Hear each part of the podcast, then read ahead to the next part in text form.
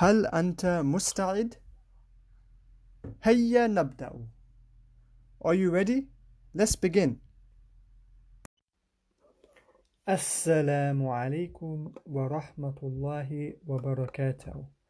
Today اليوم نبدأ الوحدة الرابعة عشرة. We will begin Unit 14.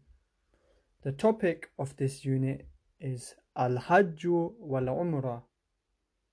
Hajj and Umrah, the pilgrimage to Mecca in Islam. Hayya nabda'u, let's begin. Unit 1 الحوار الأول هذا الحوار مع سليم وجميل This conversation is with Salim and J- Jamil. متى العطلة يا جميل؟ عطلة في شهر رمضان. أين تقضي العطلة؟ أقضي العطلة في مكة المكرمة والمدينة المنورة. كيف تقضي العطلة في مكة؟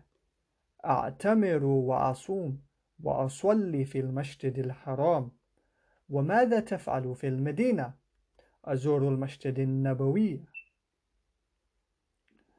وأين تقضي أيام العيد؟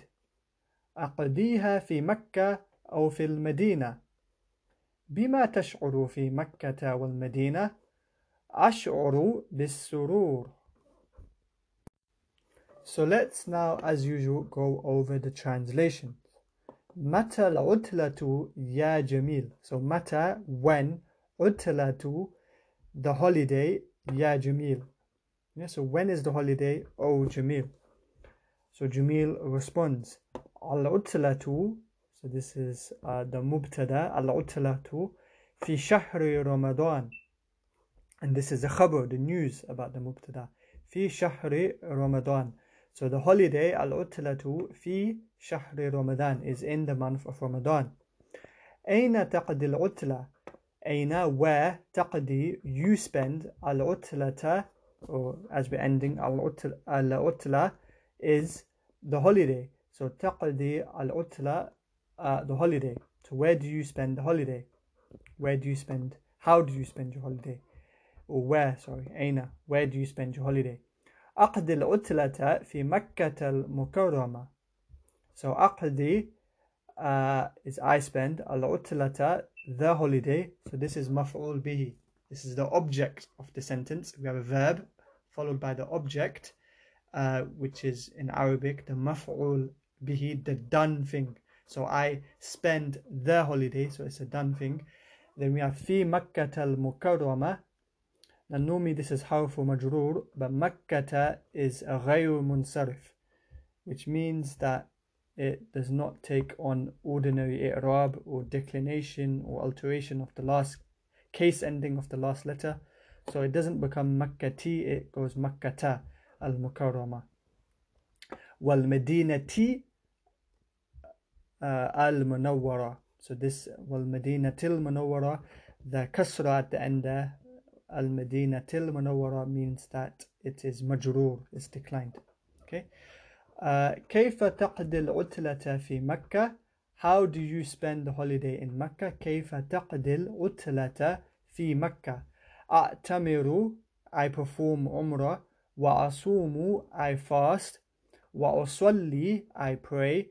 في المسجد الحرام in the sacred mosque uh, or the sanctified mosque.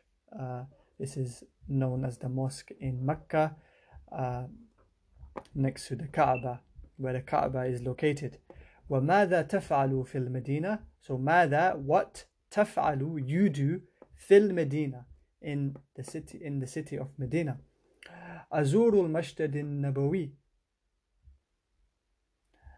أزور, I visit المسجد النبوي.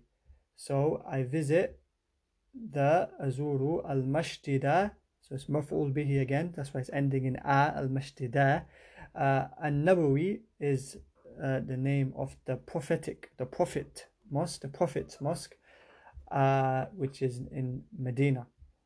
وأين تقضي أيام العيد? وأين where تقضي you spend أيام العيد, the days of Eid, the celebration in Islam. أقضيها I spend it أقضي I spend then the ha is a domir which it uh, which will refer back to the days of Eid, uh, which is feminine. Ayyam al-Eid is uh, feminine, so that's why it's ha. Aqdiha fi Makkah. So I spent it in Makkah or fil Medina or in uh, Medina. بما fi Makkah مكة Medina. So how do you feel? Bima with what is, what are your feelings? Tashghuru fi Makkah ta'wal Medina. So what is your feeling in these two cities, Makkah and Medina? So this is a question we can ask others. So what is your feeling at school? بما تشعر fil madrasa.